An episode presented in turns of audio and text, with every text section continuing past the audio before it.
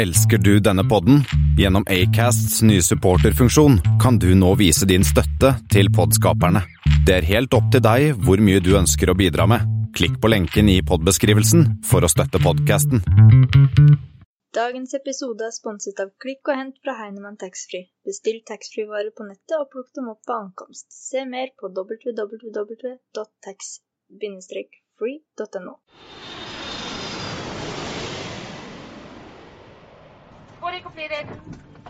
Eh, Velkommen om bord til eh, Flypodden, Norges eneste podkast for fly og luftfart. De som sitter her i dag og skravler, er som vanlig Thomas Lone, og Kristian Kamhaug. når vi spiller inn denne podden her, så er det 22. mars. Riktig. Ja, Thomas, du har ikke fløyet så mye siste uka. Nei, det har vært eh, restitusjon. Måtte Det var litt eh, hardt å komme seg etter den eh, lange turen tur-retur USA, så jeg har vært litt eh, self-grounded. Og så har det vært litt sykdom òg. Skulle egentlig vært på Vestlandet i går, men det måtte utgå pga. sykdom. Så da er det greit at man har fleksible billetter og kan enkelt booke om. Men du har vært litt på tur, Christian, og Ja, Som vanlig har jeg vært i Stockholm, besøkt Mothership. Nå jobber jeg jo sånn at vi jobber jo veldig mye eh, telefon og video og mail og chat og workplace og alt sammen, men av og til så må man eh, møtes. Eh, Nå hadde jeg bl.a. en tretimers workshop med en leverandør. Og den er litt dum å gjøre fire stykker på plass og én mann på video. Pleier aldri å funke så veldig godt. Så jeg tok meg en tur. Det var en dagstur. Jeg tok eh, 6.55 bort og 19.30 hjem. Eh, Fikk en full dag i Stockholm. Fikk eh, meg litt eh, pulled pork og Cola Light i lunsjen på vei hjem, så jeg fikk litt mat i kroppen også. Så det var en, en fin tur. Alt gikk som det skulle. Ja, den er, men allikevel 6.55 fra, fra Oslo, den er hard. Ja, den ja, det fins verre. Det fins 6.10 til København. Det er det den verste. Den, den, er, den fæl. Eller sånn som jeg fant ut av når jeg skulle til Sogndal nå her tidligere i uka, så var det faktisk 06.00 fra Oslo til Sogndal. Den er enda hardere. Ja, det burde nesten vært eh, forbudt ifølge eh, EUs eh, menneskerettskommisjon, altså. Ja, jeg, jeg valgte naturlig nok 28. Ja, det tror jeg nok på. Ja, så skal jeg, så skal jeg en liten tur til Stavanger nå i morgen. Det er første gang siden i fjor sommer at jeg flyr innenriks, faktisk. Oi, velkommen i klubben. ja. Men det, Stavanger det burde jeg nesten snakket med SAS om. For at Stavanger har jo, et som jeg husker, verken fast track eller lounge. Ja, De har jo en egen lounge i Stavanger som er noe for utenlandspassasjerer, tror jeg. Eh, men eh, ja, Stavanger Jo, de har fast track. De Det har fast track. Yes, det har de. Okay. Jeg har jo vært såpass mye i Stavanger, så det burde jeg huske. Fast track, det har de. Men de har ikke noe SAS kafé lounge eller noen ting sånn. De har uh, vanlige eh, stoler ute og, som man kan sitte og vente på, som alle andre. Blir det Peppes, da. Eh, ofte så blir det det, ja. Og du har eh, vært litt utro, har du ikke det? Jo, jeg har vært utro mot deg, Thomas, eller mot Flypodden. Jeg har faktisk vært gjesteprogramleder i en annen podkast denne uken her. Oi. Den heter NIR, som står for Norske informasjonsrådgivere. og er, Vi påstår at vi er en ganske nølete podkast, men denne podkasten her er også eh, rimelig nerdete. Eh, Det er altså en podkast for eh, og om kommunikasjon og markedsføring. Så det er litt mer et sånn skråblikk på det som skjer i, markedsføring og kommunikasjonsbransjen i Norge. Så der satt jeg sammen med to andre i Forskningsparken og tjatra litt om siste som hadde skjedd innenfor eh, markedsføring og kommunikasjon. Og vi var inne på en viss justisminister. Var Ja, dagen før- det, det skjønner jeg. var dagen før hun gikk av, så det var sånn- vi var litt usikre på, på hvor uaktuelle vi ble når vi eh, lanserte podden nå på fredag. Men det er noe annet vi, vi, vi Det vi snakket om, er, holder fremdeles. Så eh, når dere har hørt ferdig Flypodden i dag, så gå inn eh, i podkastspilleren og søk etter NIR, Norske informasjonsrådgivere, så kan du høre en, eh, en annen type podkast med meg. Spennende. Og så har vi fått et, et lytterspørsmål, Thomas. Ja, første gang for det. Et lytterspørsmål. Og han, eh, lytteren vår, spurte om hvordan får man sitte i klapp, eh, først og fremst i cockpit, tror jeg. For du, jeg får en del snap fra deg hvor du sitter i, co- i cockpit på klappsetet. Uh, og så, jeg så, jeg syns egentlig det er morsomt å sitte i kabinen på klapp og snakke med, snakke med kabinpersonalet. Men du sitter ofte i cockpit, og hvordan får du til det egentlig? Du som verken jobber i flyselskap eller har fløyet eller noen ting. Altså, man kommer langt med bare å smile, være seg selv og spørre kapteinen eller og styrmannen Hei, jeg heter Thomas, kan jeg få lov til å sitte her? Det kommer man ofte ganske langt med. Det verste man kan få, er et nei. Eh, ofte så vil de jo spørre ja, hvorfor vil du sitte her, og hvilken interesse har du av å sitte her, og litt sånn. Og da må man jo bare svare for seg. Kanskje det at man er flyinteressert, eller eh, ja, ja, det må jo være litt opp til den enkelte hva de ønsker å svare der. Men eh, ofte så, så, kan man spørre, og da sier man ja. Altså, Piloter er jo som alle andre yrkesgrupper, de òg. De elsker jo å fortelle hva de jobber med, og hvordan de jobber. og eh, Når folk viser interesse for jobben deres, så ønsker de å vise det fram. Så ja, det, de som sagt spør i døra, eh, purser som står der, om du kan få stille kapteinen et spørsmål. De sier som regel alltid ja til det. Og da spør man bare kapteinen hei. Presenterer seg fint, sier hvem man er og hvorfor man sitter der, og så, og så går det noen ganger greit, og noen ganger ikke greit. Så hjelper det ofte gjerne hvis man da kjenner noen i bransjen som f.eks. kan gå god for en, da. Hvis man har litt felles bekjente og litt sånn, da. Men det, ofte så holder det bare å spørre, og da får man enten ja, eller så får man nei. Så spør, spør, pent, eh, og takk veldig hyggelig hvis du får ja, og gå og sett deg hvis du får nei. Helt, helt korrekt, Christian. Så enkelt var det. Og så er vi jo utrolig stolte av å ha fått en uh, ny sponsor. Vi har fått uh, Klikk og Hent uh, av Heinemann Taxfree som sponsor. Kanskje du forteller litt om det, Christian? Jo, jeg nevnte jo i forrige, forrige episode egentlig, at, vi, at, jeg er veldig glad i Klikk og Hent. og når du lander på de største, fem største flyplassene i Norge, så kan du forhåndsbestille taxfree-varene dine på nettet og plukke dem opp når du har landet.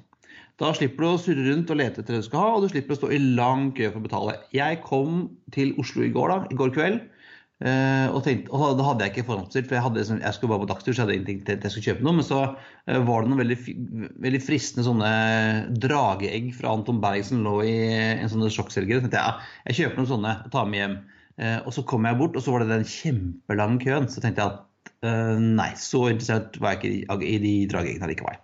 Men det slipper du altså hvis du, hvis du går inn på nettet på forhånd eh, og forhåndsbestiller, så kan du gå rett til den ene, ene kassa som eh, utleverer eh, og hent-greiene. Der var det i går ikke et menneske.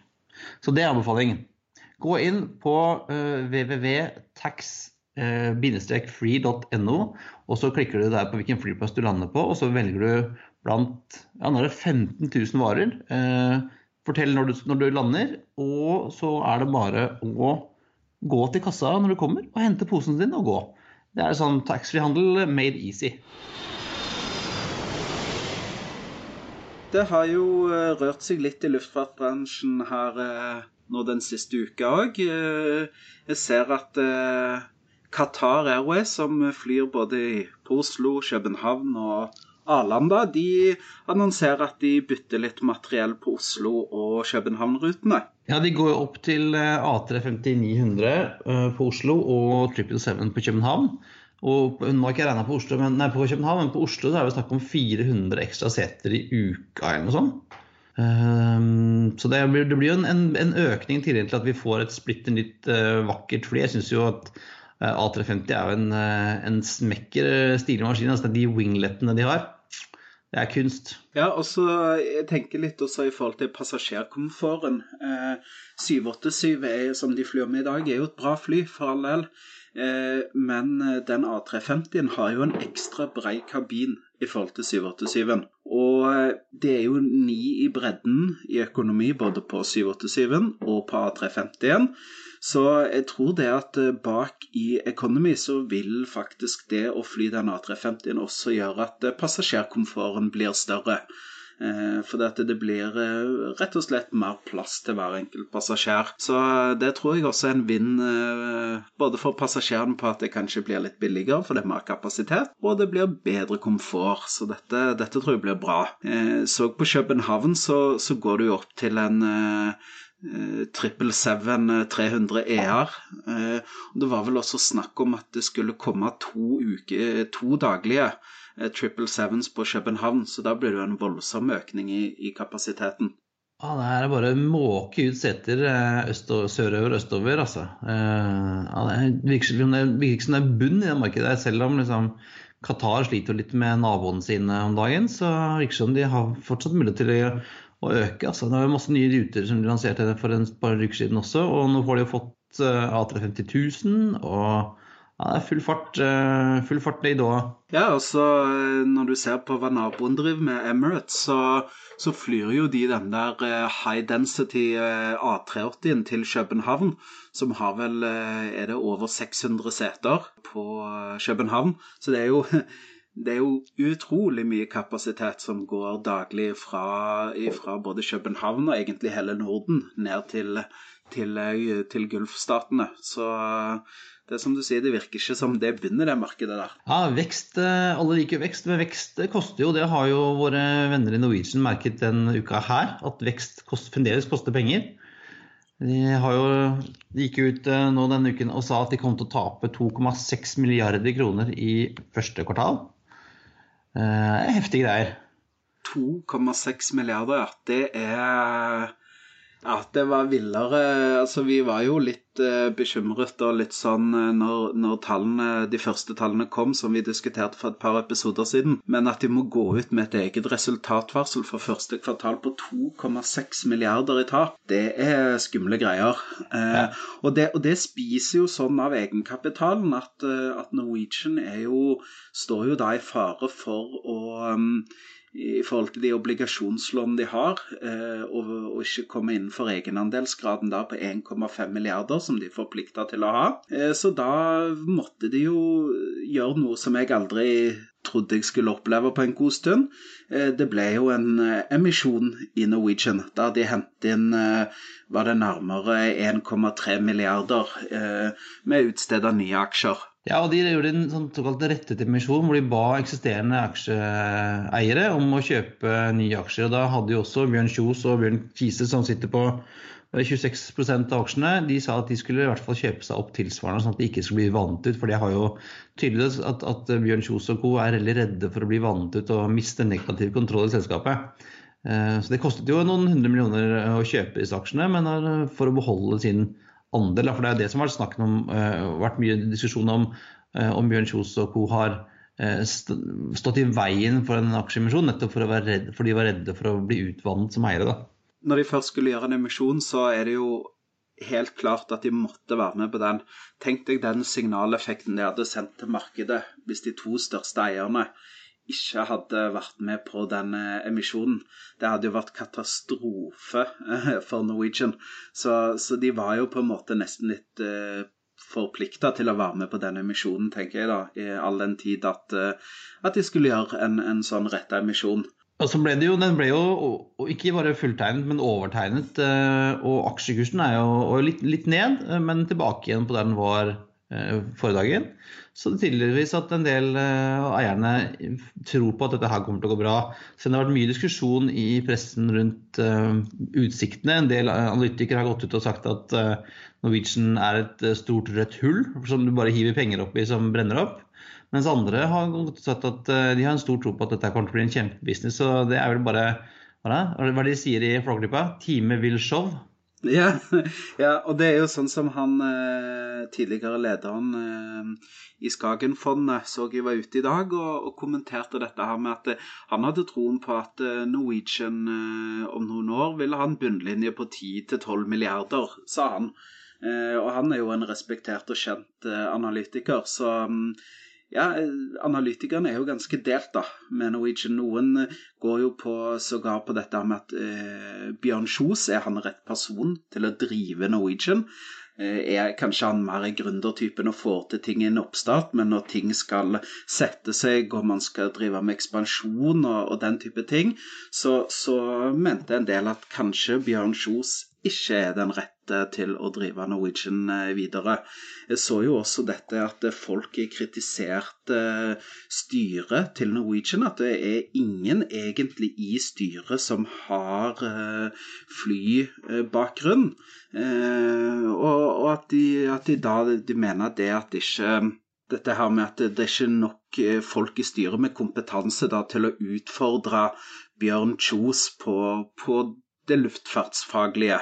Så det er liksom eh, Ja, det, det går litt begge veier. Eh, både hva analytikerne sier, hva folk tror. Men eh, vi får jo håpe det, da. for Norwegian som selskap og, og, for luftfartsmarkedet i Norden og egentlig hele Europa at de, de klarer seg. Fordi at konkurranse er bra, de, men jeg tror bare at Norwegian er nødt til å ta noen grep her for å, for å snu denne skuta. Nå Tidligere denne uken her så fikk jo vi som er medlemmer i SAS Eurobonus og andre fikk jo en beskjed om at nå SAS har introdusert Lifetime Gold. Lifetime Gold er jo sånn at dersom man har hatt gull- eller diamantkort i, i ti år, så vil man da få, få um, et gullkort som varer livet ut. Tidligere har denne fordelen vært hvis man har vært over 60 år, så har man fått dette. Men nå er det slik at hvem som helst som, som har hatt gull eller diamant i over ti år, får denne fordelen. Eh, og I den forbindelse så har vi fått med oss eh, Flemming Paulsen fra Final Call som er en eh, reiseblogg og nyhetsside om reiser og bonuspoeng. Hei, Flemming. Hei, og takk for at du vil ha meg med. Jo, det var hyggelig at du hadde mulighet til å være med. Eh, du har jo kanskje mer enn noen, av, eh, mer enn noen andre fulgt med på dette med hva SAS har gjort med Lifetime Gold, og at man får gullkort på livstid. Hva, hva, synes du om at SAS nå eh, gjør denne utrullingen av eh, at man får gullkort på livstid? Tror du at det kan være fare for at det blir eh, inflasjon i gullkortene? Jeg er en lille smule bekymret, men jeg, la meg starte med å si at jeg syns det er positivt at man gjør det. fordi har man vært gull eller hatt høyere status i ti år, så er man jo en meget, meget lojal kunde. Og, og, så jeg syns det er et meget positivt tiltak SAS gjør.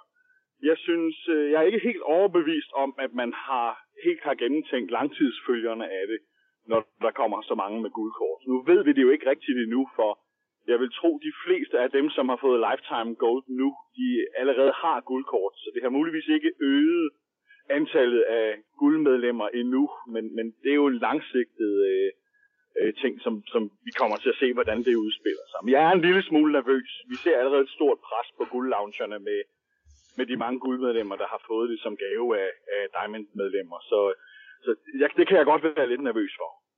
Ja, for Problemet tenker jeg at selv om det ikke blir så mange flere av dem, så er det at de blir jo værende og værende selv om du eh, slutter i jobben din og reiser mindre, eller du har eh, blir pensjonist, eller altså, så, så, mist, så forsvinner det ikke ut igjen. Altså, blir, man, man, fyller på og fyller på med gullmedlemmer uten at noen, noen går ut noe særlig. Det er vel en utfordring, som du sier, at, at det er et press både på, på loungen og på andre, andre, fordeler man har som gull, i og med at det blir så mange? Ja, og vi har tidligere sett det med Singapore Airlines, der hadde en lignende løsning for deres uh, toppkunder. Og de fjernet den muligheten for et par år siden, ganske enkelt fordi det ble for mange. Og, øh, så ja, det er helt klart, en, en, man skal jo ha et dynamisk flow i antallet av medlemmer. Og hvis man ikke lukker noen ut i den ene enden, samtidig med at man lukker andre inn i den anden, jamen så bliver der jo mange på et tidspunkt. Og, og spørgsmålet er så, hvad SAS vil gøre ved det, når man når dertil. Det er jo sikkert en del år ude i fremtiden, men jeg kunne frygte, at det var en devaluering af guldstatusen, øh, for eksempel, som man var nødt til at gøre. For nu har man ligesom lovet det, øh, og så kan man ikke rigtig smide folk ud igen. Og for, for at redde det, så må man muligvis komme til at devaluere på sigt. Ja, jeg, jeg, tenkte jo kanskje at eh, istedenfor å gå inn på ti år, som, som, SAS har, så kunne man kanskje gjort sånn som eh, British Airways har. De har jo disse såkalte tear points. Og det er vel sånn hvis man framskaffer 35 000 tear points, så får man lifetime eh, gull hos, eh, hos British Airways. Eh, og da tenker jeg kanskje det hadde vært lettere å forholde seg til eh, for kundene. Og kanskje at det hadde vært lettere da å, å vite hvor mange som hele til enhver tid lå an å få et livstids gullkort, hvis man gikk f.eks. På, på opptjente grunnpoeng. da, At hvis man f.eks. hadde opptjent 500 eh, 000 grunnpoeng, så fikk man lifetime gold. og Hvis man hadde opp eh, hadde man f.eks. en million grunnpoeng opptjent, så kunne man fått Lifetime Diamond. At kanskje noe den type hadde vært lettere, i hvert fall for kundene, å forstå for sånn som det er i dag. Så er det jo ikke mulig for meg å gå inn, logge seg inn på SAS og se hvor mange år har jeg hatt gullkort. Nei, og så synes jeg det er en anden fallgruppe i det her, at, man, at det skal være ti år i ræd. Og øh, fordi, tag et eksempel. Øh, du kan i, på ni år optjene 1,5 millioner øh, statuspoint, hvilket der er nogen, der gør. Øh, og så har du et års øh, forældrepermission, og så skal du starte fra scratch igen. Mens en anden kunde på 10 år optjener øh, 451.000 point øh, og, og for lifetime goals, men altså kun har været øh, har optjent en tredjedel statuspoint i forhold til den anden kunde, som reelt kan, ikke kan opnå det på 20 år måske. Så der er jo noget, en, en, der er jo en faldgruppe i det her, at øh, mange kvinder, som får børn, har måske ofte et år, hvor de ikke rejser så meget, og hver gang bliver de øh, slået tilbage til start. Og der synes jeg måske ikke, at SAS helt har tænkt sig om. Så jeg er helt enig med dig, at jeg er selv mere øh, hugt på en model, der hed 1 million statuspoint. Øh, så har du lifetime goals. Så er der nogen, der får det på 3 år, så er der nogen, der får det på 20 år, og so be it. Så vi kan vel da konkludere med at dette er super, en super fordel for de som får det, og så er vi andre som ikke har fått det, litt skeptiske. Ja, det tror jeg vi kan bli meget enige om. og så gir vi deg også nå to sekunder, Flemming, til å markedsføre din egen podkast. Vær så god. Den hedder øh, Final Call Travel Smarter. Det er en øh, dansk podcast som øh, handler om å reise smartere, som øh, kommer på iTunes blant annet, eller på finalcall.travel slash DA hver fredag. Nå har vi jo kommet til flight 007, og yeah, man kan jo ikke snakke om 007 og være flyinteressert uten å tenke på eh, Korean Airlines flight 007, eller hva, Thomas?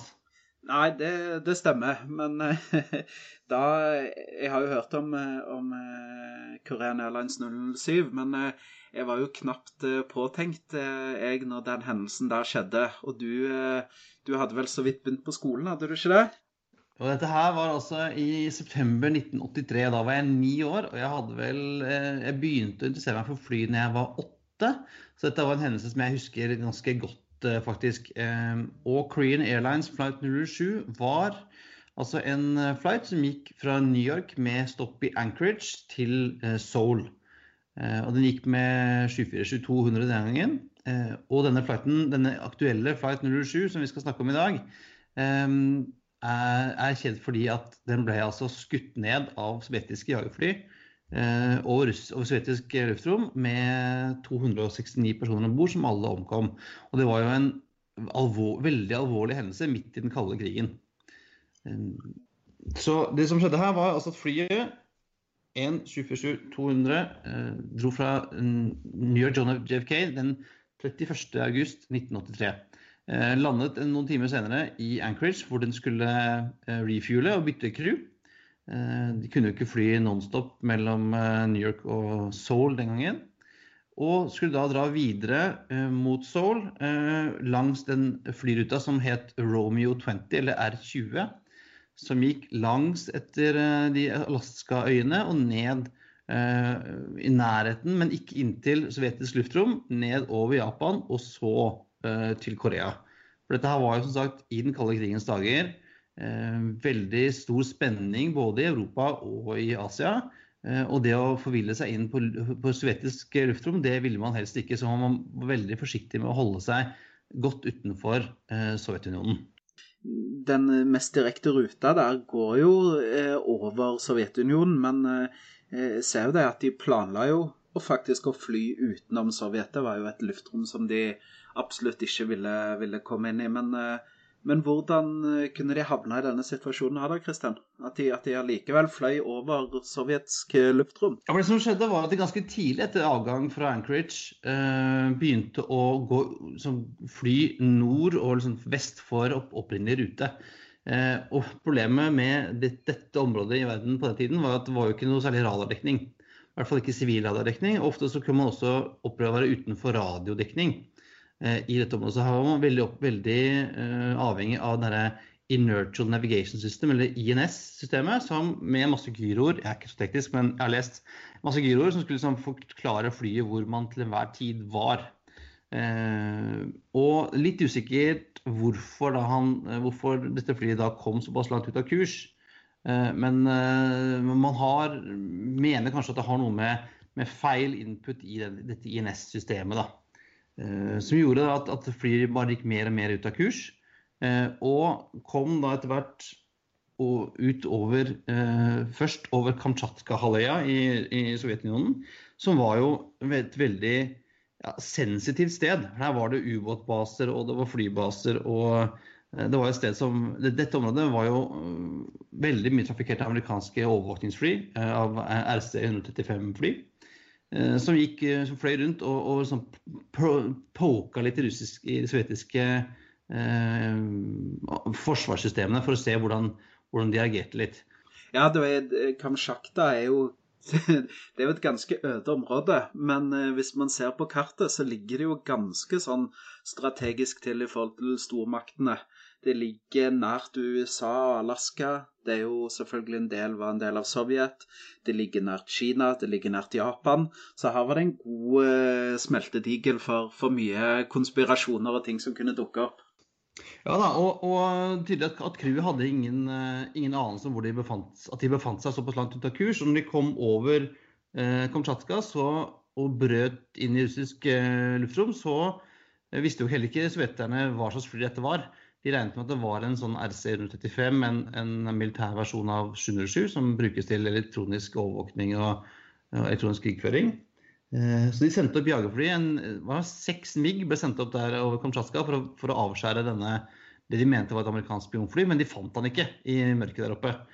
Eh, eh, så de måtte returnere til basen. Eh, og så fortsatte han, gikk utover eh, internasjonalt luftrom en liten periode, over eh, Oskutsjhavet, til den igjen da kom over sovjetisk luftrom og innover Sakhalinøya, som også er full av militære installasjoner og et område som amerikanerne var interessert i. Ja, for det ligger rett nord for Japan, sant? Ja, det ligger, hvis du ser på kartet, så ligger det sånn rett nord for nordligste øya i Japan. Ja, Hokkaido. Eh, Hokkaido, ja. Det stemmer. Og da ble nå igjen eh, jagerfly sendt opp. To Sukhoi 15 ble sendt opp der. Eh, og klarte å lokalisere flyet ganske, ganske raskt. Eh, men de hadde dårlig tid, for Sakhalin er ikke så stor. Eh, og hvis de ville avskjære dette flyet før det kom ut i en internasjonal luftrom, så måtte de være, være kjappe. Eh, de prøvde, sier de, eh, og det viser også radioovervåkning som amerikanerne klarte å gjøre etterpå, at de prøvde å kalle opp flyet. De, prøvde å, de skjøt med maskinpistolene og geværene sine foran, foran, flyet, men skjøt ikke med sporlys. Så tviler, tviler, man tviler om, man, om kapteinen helt tatt så hva som foregikk. Ja, for de skjøt jo med sånn eh, panserbrytende skudd eller sånn helmantla skudd. Og de og de lyser jo ikke. Nei, og det er midt på natta, det er svart og det var uh, vanskelig å se. Så, så tydelig at, han, at kapteinen her ikke fikk med seg hva som foregikk. Og det viser jo teipene også som, ble, som de fikk tak i på 90-tallet, at han visste ikke hva som foregikk i det hele tatt. Uh, her, da var han ca. 500 km ute av kurs og sånn på full fart mot videre sovjetisk luftrom. og russerne var jo da ganske ganske jumpy. For nå hadde de jo mista det, det, over eh, Kamtsjatka, og de ville liksom ikke gå glipp av det igjen. De fikk ikke kontakt med flyet, de fikk ikke til å gå ned og lande, lande, så da eh, fikk de ordre om å skyte ned. Vi har jo snakka med en som dekka denne hendelsen ganske i dybden, og, og, og har snakka med de fleste innenfor russisk forsvar og militær og etterretning i forhold til dette. og Hans-Wilhelm Steinfeld han mener jo det at dette var en av kanskje de farligste uh, han, mente, han gikk vel så langt som å si at dette var kanskje farligere enn Cuba-krisen. Gjorde han ikke det, Christian? Jo da. Eh, han, var, han, var, jo NRKs korrespondent i Moskva og var tett på hva som foregikk der. Og kom veldig tett innpå sentrale skikkelser i eh, sovjetisk militære på den tiden. Eh, så vi kan jo høre på det intervjuet som jeg gjorde med han eh, tidligere i uken. Det kan vi. Da hører vi på det.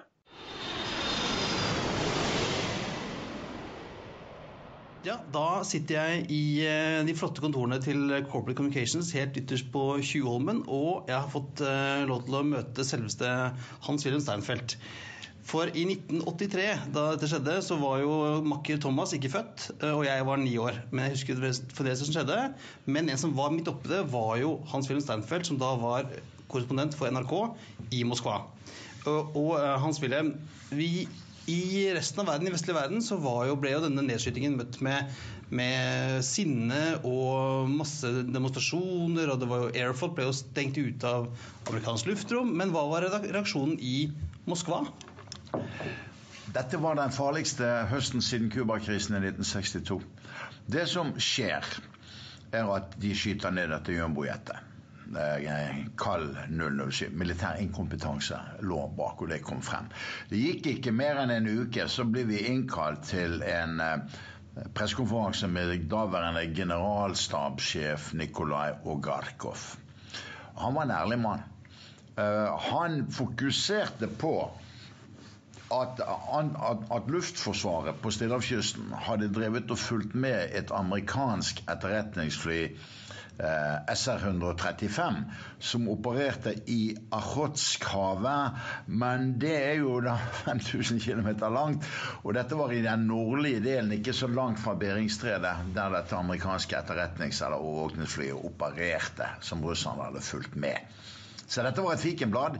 Fordi den store tragedien med, med det sørkoreanske jumbojetflyet skjer jo over den sørlige spissen av Sakhalin. Uh, og det som da kom frem, var at to MIG-piloter var blitt uh, Én MIG-pilot var sendt opp. Og hans inkompetanse består i at han ikke Han har jo visuell kontakt med jumbojetflyet. At han ikke klarer å skille mellom en SR-135 og en jumbojet. Det er like inkompetent som ikke å se forskjell på en folkevognboble og et Rolls-Royce-fly. Ja, for det er ganske stor forskjell. Ja, det er jo mye, mye større. Uh, og den pressekonferansen ble bisarr. Dette var jo midt under den kalde krigen. Det var sånne typiske tsjekkiske korrespondenter som spurte den sovjetiske forsvarssjefen hvorfor skjøt dere ikke flyet ned raskere. sånn. Jeg fikk ordet og spurte eh, general eh, Ogarkov eh, Hvis dere hadde visst at dette var et sivilpassasjerfly med, med, med, flere hundre mennesker inni, hadde dere da gitt grønt lys for å skyte det ned? Og Da svarte han nei, men det slo oss ikke at det kunne være et sivilt passasjerfly. Dagen etter så trykket partiorganet Pravda alle de spørsmål som var stilt til forsvarssjefen. En russisk generalstabssjef er forsvarssjef. Og alle svarene hans, bare ett unntak, var utradert. Mitt spørsmål og hans svar fordi det røpet svakhet. Likevel vet vi jo i ettertid at dette rystet Kreml. Ehm, det er jo da Jury Jurij Andropov som, eh, som, eh, som, styrer landet. Han er Brezjnevs etterfølger. Han hadde jo vært KGB-sjef. Ehm, og forsvarssjefen heter Sergej Sakhalov.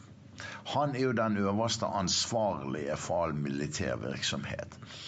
Og så går det faktisk talt eh, eh, fire år da kommer den Herostrates berømte landingen til Mathias Rust på Den røde plass. Og da får forsvarssjef Sergej Sakhalov sparken. Så spør jeg da den nye sovjetambassadøren Aleksandr Teterin, som var min venn. Han døde omtrent i armene mine i Bergen et par år etter. Han var Gorbatsjovs ambassadør i Oslo. Hva var det som skjedde? Og så sier han vi tilga aldri eh, forsvarsminister Sergej Sakhalov at han skjøt ned det koreanske passasjerflyet. Så det var noe man merket seg. Det var en svært slag for russisk prestisje. Kanskje var det verst at deres militære inkompetanse ble blottlagt. Eh, for dem selv var det verre enn at de faktisk drepte noen og 300 mennesker.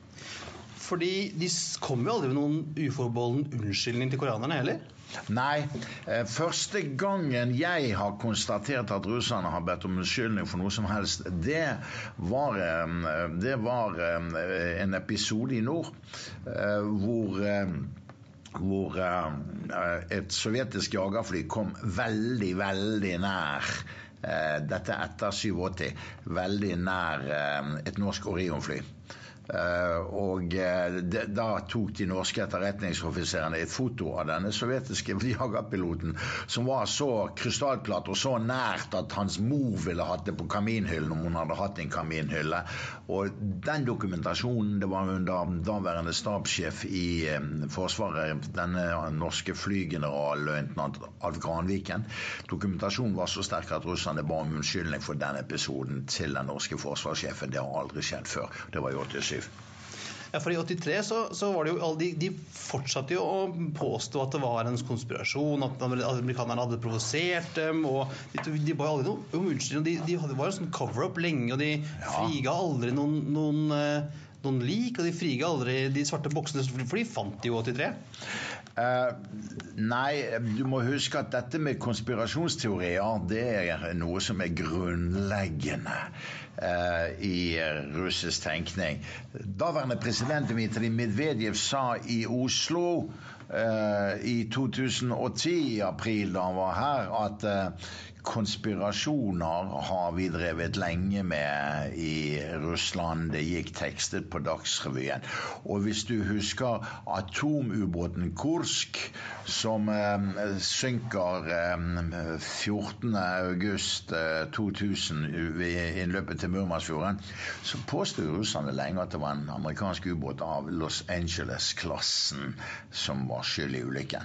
Eh, Etterpå kom det jo frem hva som skjedde. Det var en defekt torpedo som eksploderte i forskuddet på ubåten. Men allerede humorens marked i Moskva raljerte jo med konspirasjonsteoriene lenge før sannheten kommer frem. Og den kommer frem 29. Eh, 2002 eh, i regjeringsorganet Rasiska Gazeta. Og vitsen var jo eh, helt ødeleggende for deres prestisje. Fordi TV-tårnet i Moskva brant. Og da lød vitsen eh, eh, Påstanden var jo da at Kursk hadde kollidert med en amerikansk ubåt. Eller en ubåt fra et Nato-land. Eh, og vitsen lød eh, Vet du hvorfor TV-tårnet i uh, Moskva brant? Jo, det var fordi det kolliderte med TV-tårn fra et Nato-land. Så de kom ikke godt ut av det. Og 19, september 1983, dette her var jo bare et halvt år etter eh, Reagans berømte tale hvor han omtalte Sovjetunionen som an, an, evil empire. The evil empire. Og det var jo rimelig kald Den kalde krigen var jo rimelig kald. Ja, og den, jeg påstår at den farligste episoden den skjer 14 år etter nedskytingen av det koreanske passasjerflyet.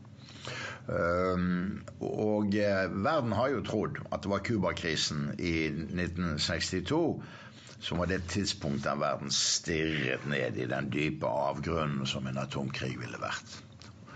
Um, det som skjer, er at uh, der, sitter, en ung oberstløytnant, russer, Petrov, i et såkalt um, strategisk varslingssenter Eh, for atomangrep mot Sovjetunionen. Det het Serpukhov. 17 Serpukhov er en by for, sør, vest for Moskva.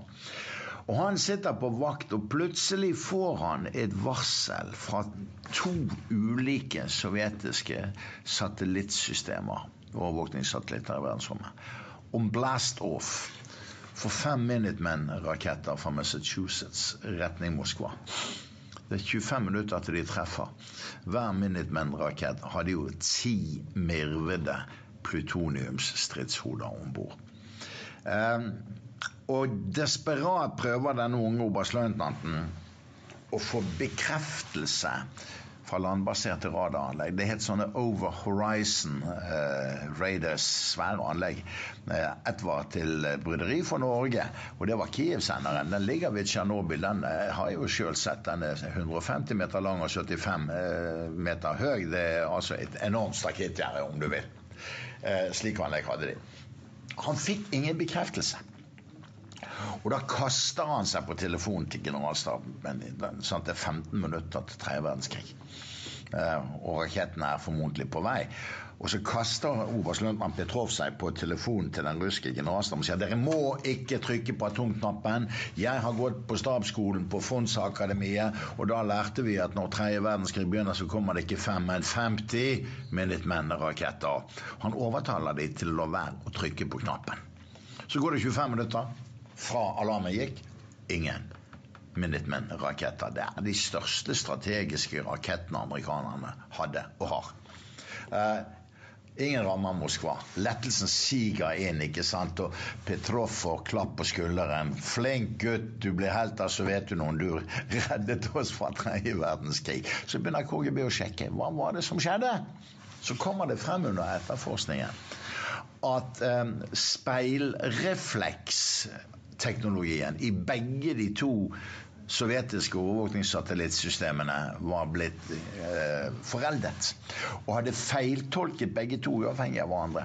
Um, uh, lysbrytningen mellom et skylag over Massachusetts som blastoff for fem Minutemen-raketter. Og da begynner det å koste penger. Da skal du plutselig skifte ut to sy uavhengige systemer for satellittovervåkning på sovjetisk side. Og selvfølgelig var det noen lure jævler som da sa at vi må stoppe kjeften på Petrov så ikke dette kommer ut. Og da var det de som ville legge han inn på galehus, og så var det de som sa nei, nei, nei, tross alt, han har reddet kvelden, og det endte med at Petrov eh, slapp fra det med eh, livet i behold, for å si det sånn. Og under Mikhail Gorbatsjov så ble han selvfølgelig eh, dekorert for det han hadde gjort. Han reddet verden fra tredje verdenskrig. Det var en forstandig mann med militær kompetanse. Han var vakthavende, sjurhavende offiser på et strategisk overvåkningssenter, men det var bare 14 dager etter nedskytningen av Kall 007. Så tror du de nå da brukte litt ekstra tid på å tenke seg om før de trykket på knappen, nettopp fordi at de hadde bomma 14 dager tidligere? Ja, jeg tror egentlig de var rystet. Ogarkov var det jo. Nikolai Ogarkov har jo jeg snakket med som pensjonist, han som var generalstabssjef den gangen. Um, det er klart at da det gikk opp for dem hva de hadde gjort mot det koreanske flyet, um, og da er vi altså i, i, i september 1983 um, Det er ikke det er da allerede slik at der sitter en ung mann som er, ligger i, i kulissene i politbyrået. Het Mikhail Gorbatsjov, han var voterende medlem. Og han var, har jo røpet i sin siste bok at på den tiden var det et veldig oppgjør på russisk side. Du får Natos dobbeltvedtak i 1979. Russerne har utplassert SS-20-raketter. I sin siste bok fra november 2017 så skriver Mikhail Gorbatsjov at eh, utplasseringen av SS-20-raketter satte Sovjetunionen i livsfare fordi eh, russerne hadde ikke noe motsvar mot eh, det antivåpenet amerikanerne hadde. Pershing 2-rakettene, mellomdistanseraketter, kunne rekke Moskva på 15 minutter. Og han kalte det for en eventyrpolitikk i sin siste bok fra i fjor høst, Mikhail Gorbatsjov, og skriver at den senere generalstabssjef eh, eh, Sergej Akhromjev var sterkt imot utplasseringen av SS-20-rakettene fra 1979, eh, og gjorde mye for å redusere skadene av den eventyrpolitikken som ble satt i gang av eh, regimet før Gorbatsjov kommer til makten. Så det er klart at det skjedde ting på, bak kulissene som vi i 1983 ikke hadde innsikt i, men som er vel dokumentert eh, nå, og ikke minst eh, ved hjelp av vitnesbyrdet fra Mikhail Gorbatsjov. Eh, det var en fryktelig farlig tid for 35 år siden, og det er min påstand. Det var betydelig. Det kunne gått veldig mye mer galt enn det gjorde, og da hadde vi hatt tredje verdenskrig. Vi var nærmere det det enn vi var i 62 under Cuba-krisen. Da sier jeg eh, tusen takk for, eh, for, at du ville bidra på Flypodden, eh, Hans Wilhelm. Det var kjempespennende. og Jeg tror vi skal dype en, kanskje dype enda lenger ned i andre sånn type hendelser seinere. Så tusen takk for, for bidraget, Hans Wilhelm, og lykke til videre. Takk skal dere ha. Lykke til selv. Ja, det her var, dette her husker jo ikke du, Thomas, men dette her var jo midt i kalde krigen. Jeg var jo, husker at jeg, Vi var jo livredde for atomkrig og Sovjet og alt mulig. vet du. Ja, det, det, virker så fjernt for meg, fordi at uh, når jeg holdt på å si vokste opp og begynner å huske ting Jeg er jo født i 85. Da var det jo uh, Og når jeg begynte å bli, få med meg nyheter og litt sånn midt opp på 90-tallet, da var det jo glasnost og perestrojka og Jeltsin dansa rundt og alt var god stil. Så det er jo litt fremmed for meg, men det er jo en utrolig spennende historie å, å høre på Steinfeld når han får, fortelle om dette her. Ja, og det, som han sa, han, Dette her var jo veldig, en veldig, uh, veldig høy spenning på den tiden. Altså, det var kalde krigen. det har nesten ikke vært så kald noen gang. Uh, som vi var inne på i intervjuet, så hadde jo Reagan Ronald Reagan var jo en, en sterk antikommunist og hadde egentlig som mål å knuse Sovjetunionen. Og bare et halvt år før dette så hadde han jo kalt eh, Sovjetunionen for The Evil Empire. Eh, så det var, det, var, det var, veldig veldig hardt. Og etter den nedskytingen, som, som da tok livet av alle 269 om bord, var mest koreanere og amerikanere, men også én svenske, ingen nordmenn om bord, så var det jo kraftige reaksjoner mot Sovjet. Det var jo demonstrasjoner og, og, og krav om, um, om boikott, og det ble tatt opp i FN. Og, og Aeroflot fikk jo ikke lov til å fly til USA på en to års tid etterpå. Eh, men, men, det kom jo noe sånn, skal vi si, noe positivt ut av dette. her, For det var vel eh, etter denne hendelsen her at eh, Reagan bestemte det at GPS skulle gjøres tilgjengelig utenfor militært bruk, var det ikke det? Jo, for GPS hadde jo blitt utviklet av amerikanerne, og den var jo i bruk i, av militæret.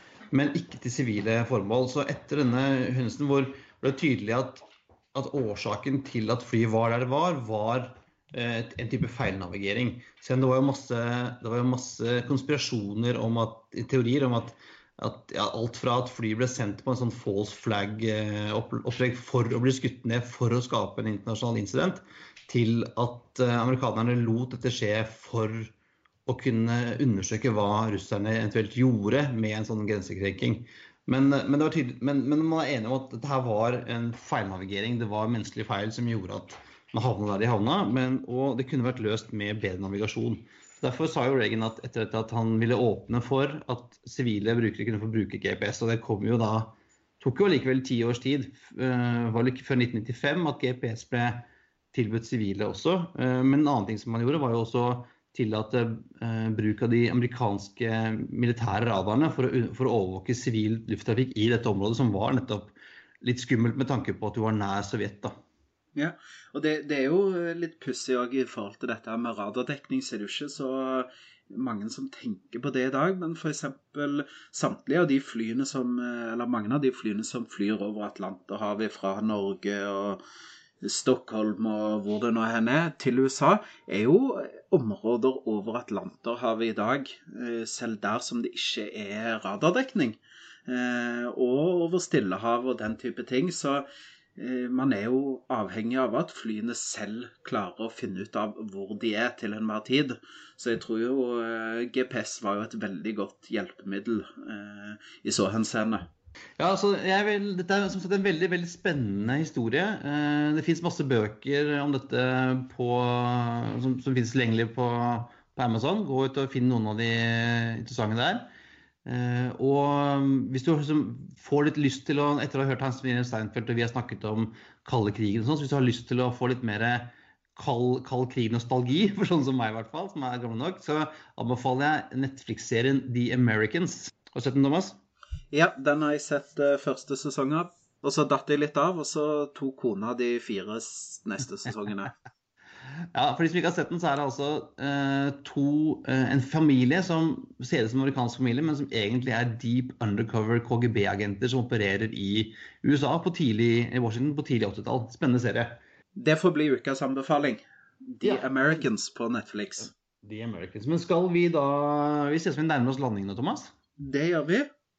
Da er vel bare på tide å uh, spenne settebeltet, uh, løfte opp uh, stolryggen, brette sammen bordet og legge, og legge, bort alle elektroniske artikler. Ja. Før du legger bort de elektroniske artiklene, så gjerne gå inn på flypodden.no for å finne lenker til det vi har snakket om i dag. Ikke glem å abonnere på oss i Flypodden i iTunes eller i den eh, podkastleseren du bruker. Gi oss gjerne en god rating. Eh, vi er takknemlige for alle ratinger vi får. Eh, vil du være gjest? Har du et tips, eller kanskje du ønsker å sponse oss? Da sender du en mail på halloalfakrøllflypodden.no. Takk for nå, og velkommen om bord neste uke. We thank you for flying with us today. We truly appreciate your business and look forward to serving you on a future flight.